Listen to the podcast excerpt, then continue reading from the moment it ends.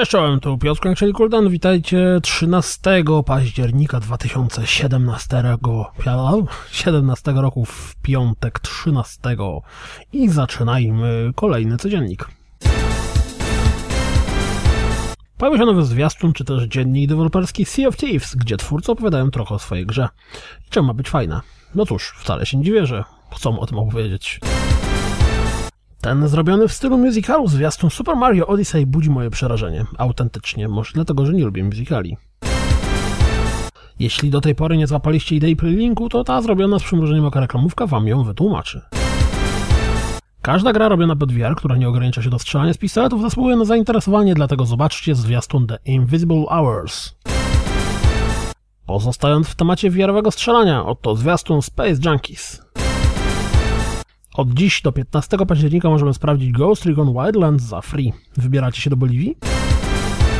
Zbliża się drugi epizod Life is Strange Before the Storm, więc pojawił się zwiastun tego odcinka. Premiera 19 października. Pojawił się nowy zwiastun Horizon Zero Dawn The Frozen Wilds. Ślicznie to wygląda. Również na konsolach do City Skylines zmierzają opady śniegu.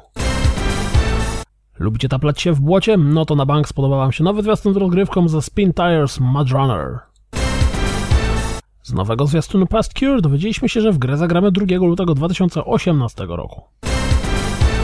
Oto kolejny materiał związany z Football Managerem 2018. Znowu dla koneserów.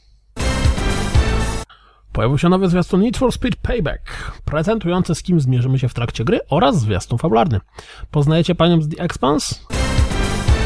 Walka między Fortnite i PUBG trwa dalej. W Battle Royale Fortnite zagrało już ponad 10 milionów graczy w dwa tygodnie od premiery. Respawn Entertainment tworzą grę na VR. Na Figu trwa zbiórka na Crazy Justice, Battle Royale zmierzającego na Switcha. Co wy na to? Na tą chwilę zbiórka zbliża się do przekroczenia 70% zakładanej kwoty, a zostało jej jeszcze 6 dni. Michael Ansel wyraził na swoim Instagramie chęć zrobienia kolejnej gry z Raymanem po tym jak już zrobi Wild i po tym jak już zrobi Beyond Good and Evil 2. Jeśli chodzi o mnie, to moim zdaniem nie powinno się mówić o rzeczach, które mają się pojawić na co najmniej za 5 lat. IGN zmontował fajny materiał, który pokazuje jak przez lata zmieniał się wygląd Forzy Motorsport. Oto pierwsze 24 minuty Love Sphere.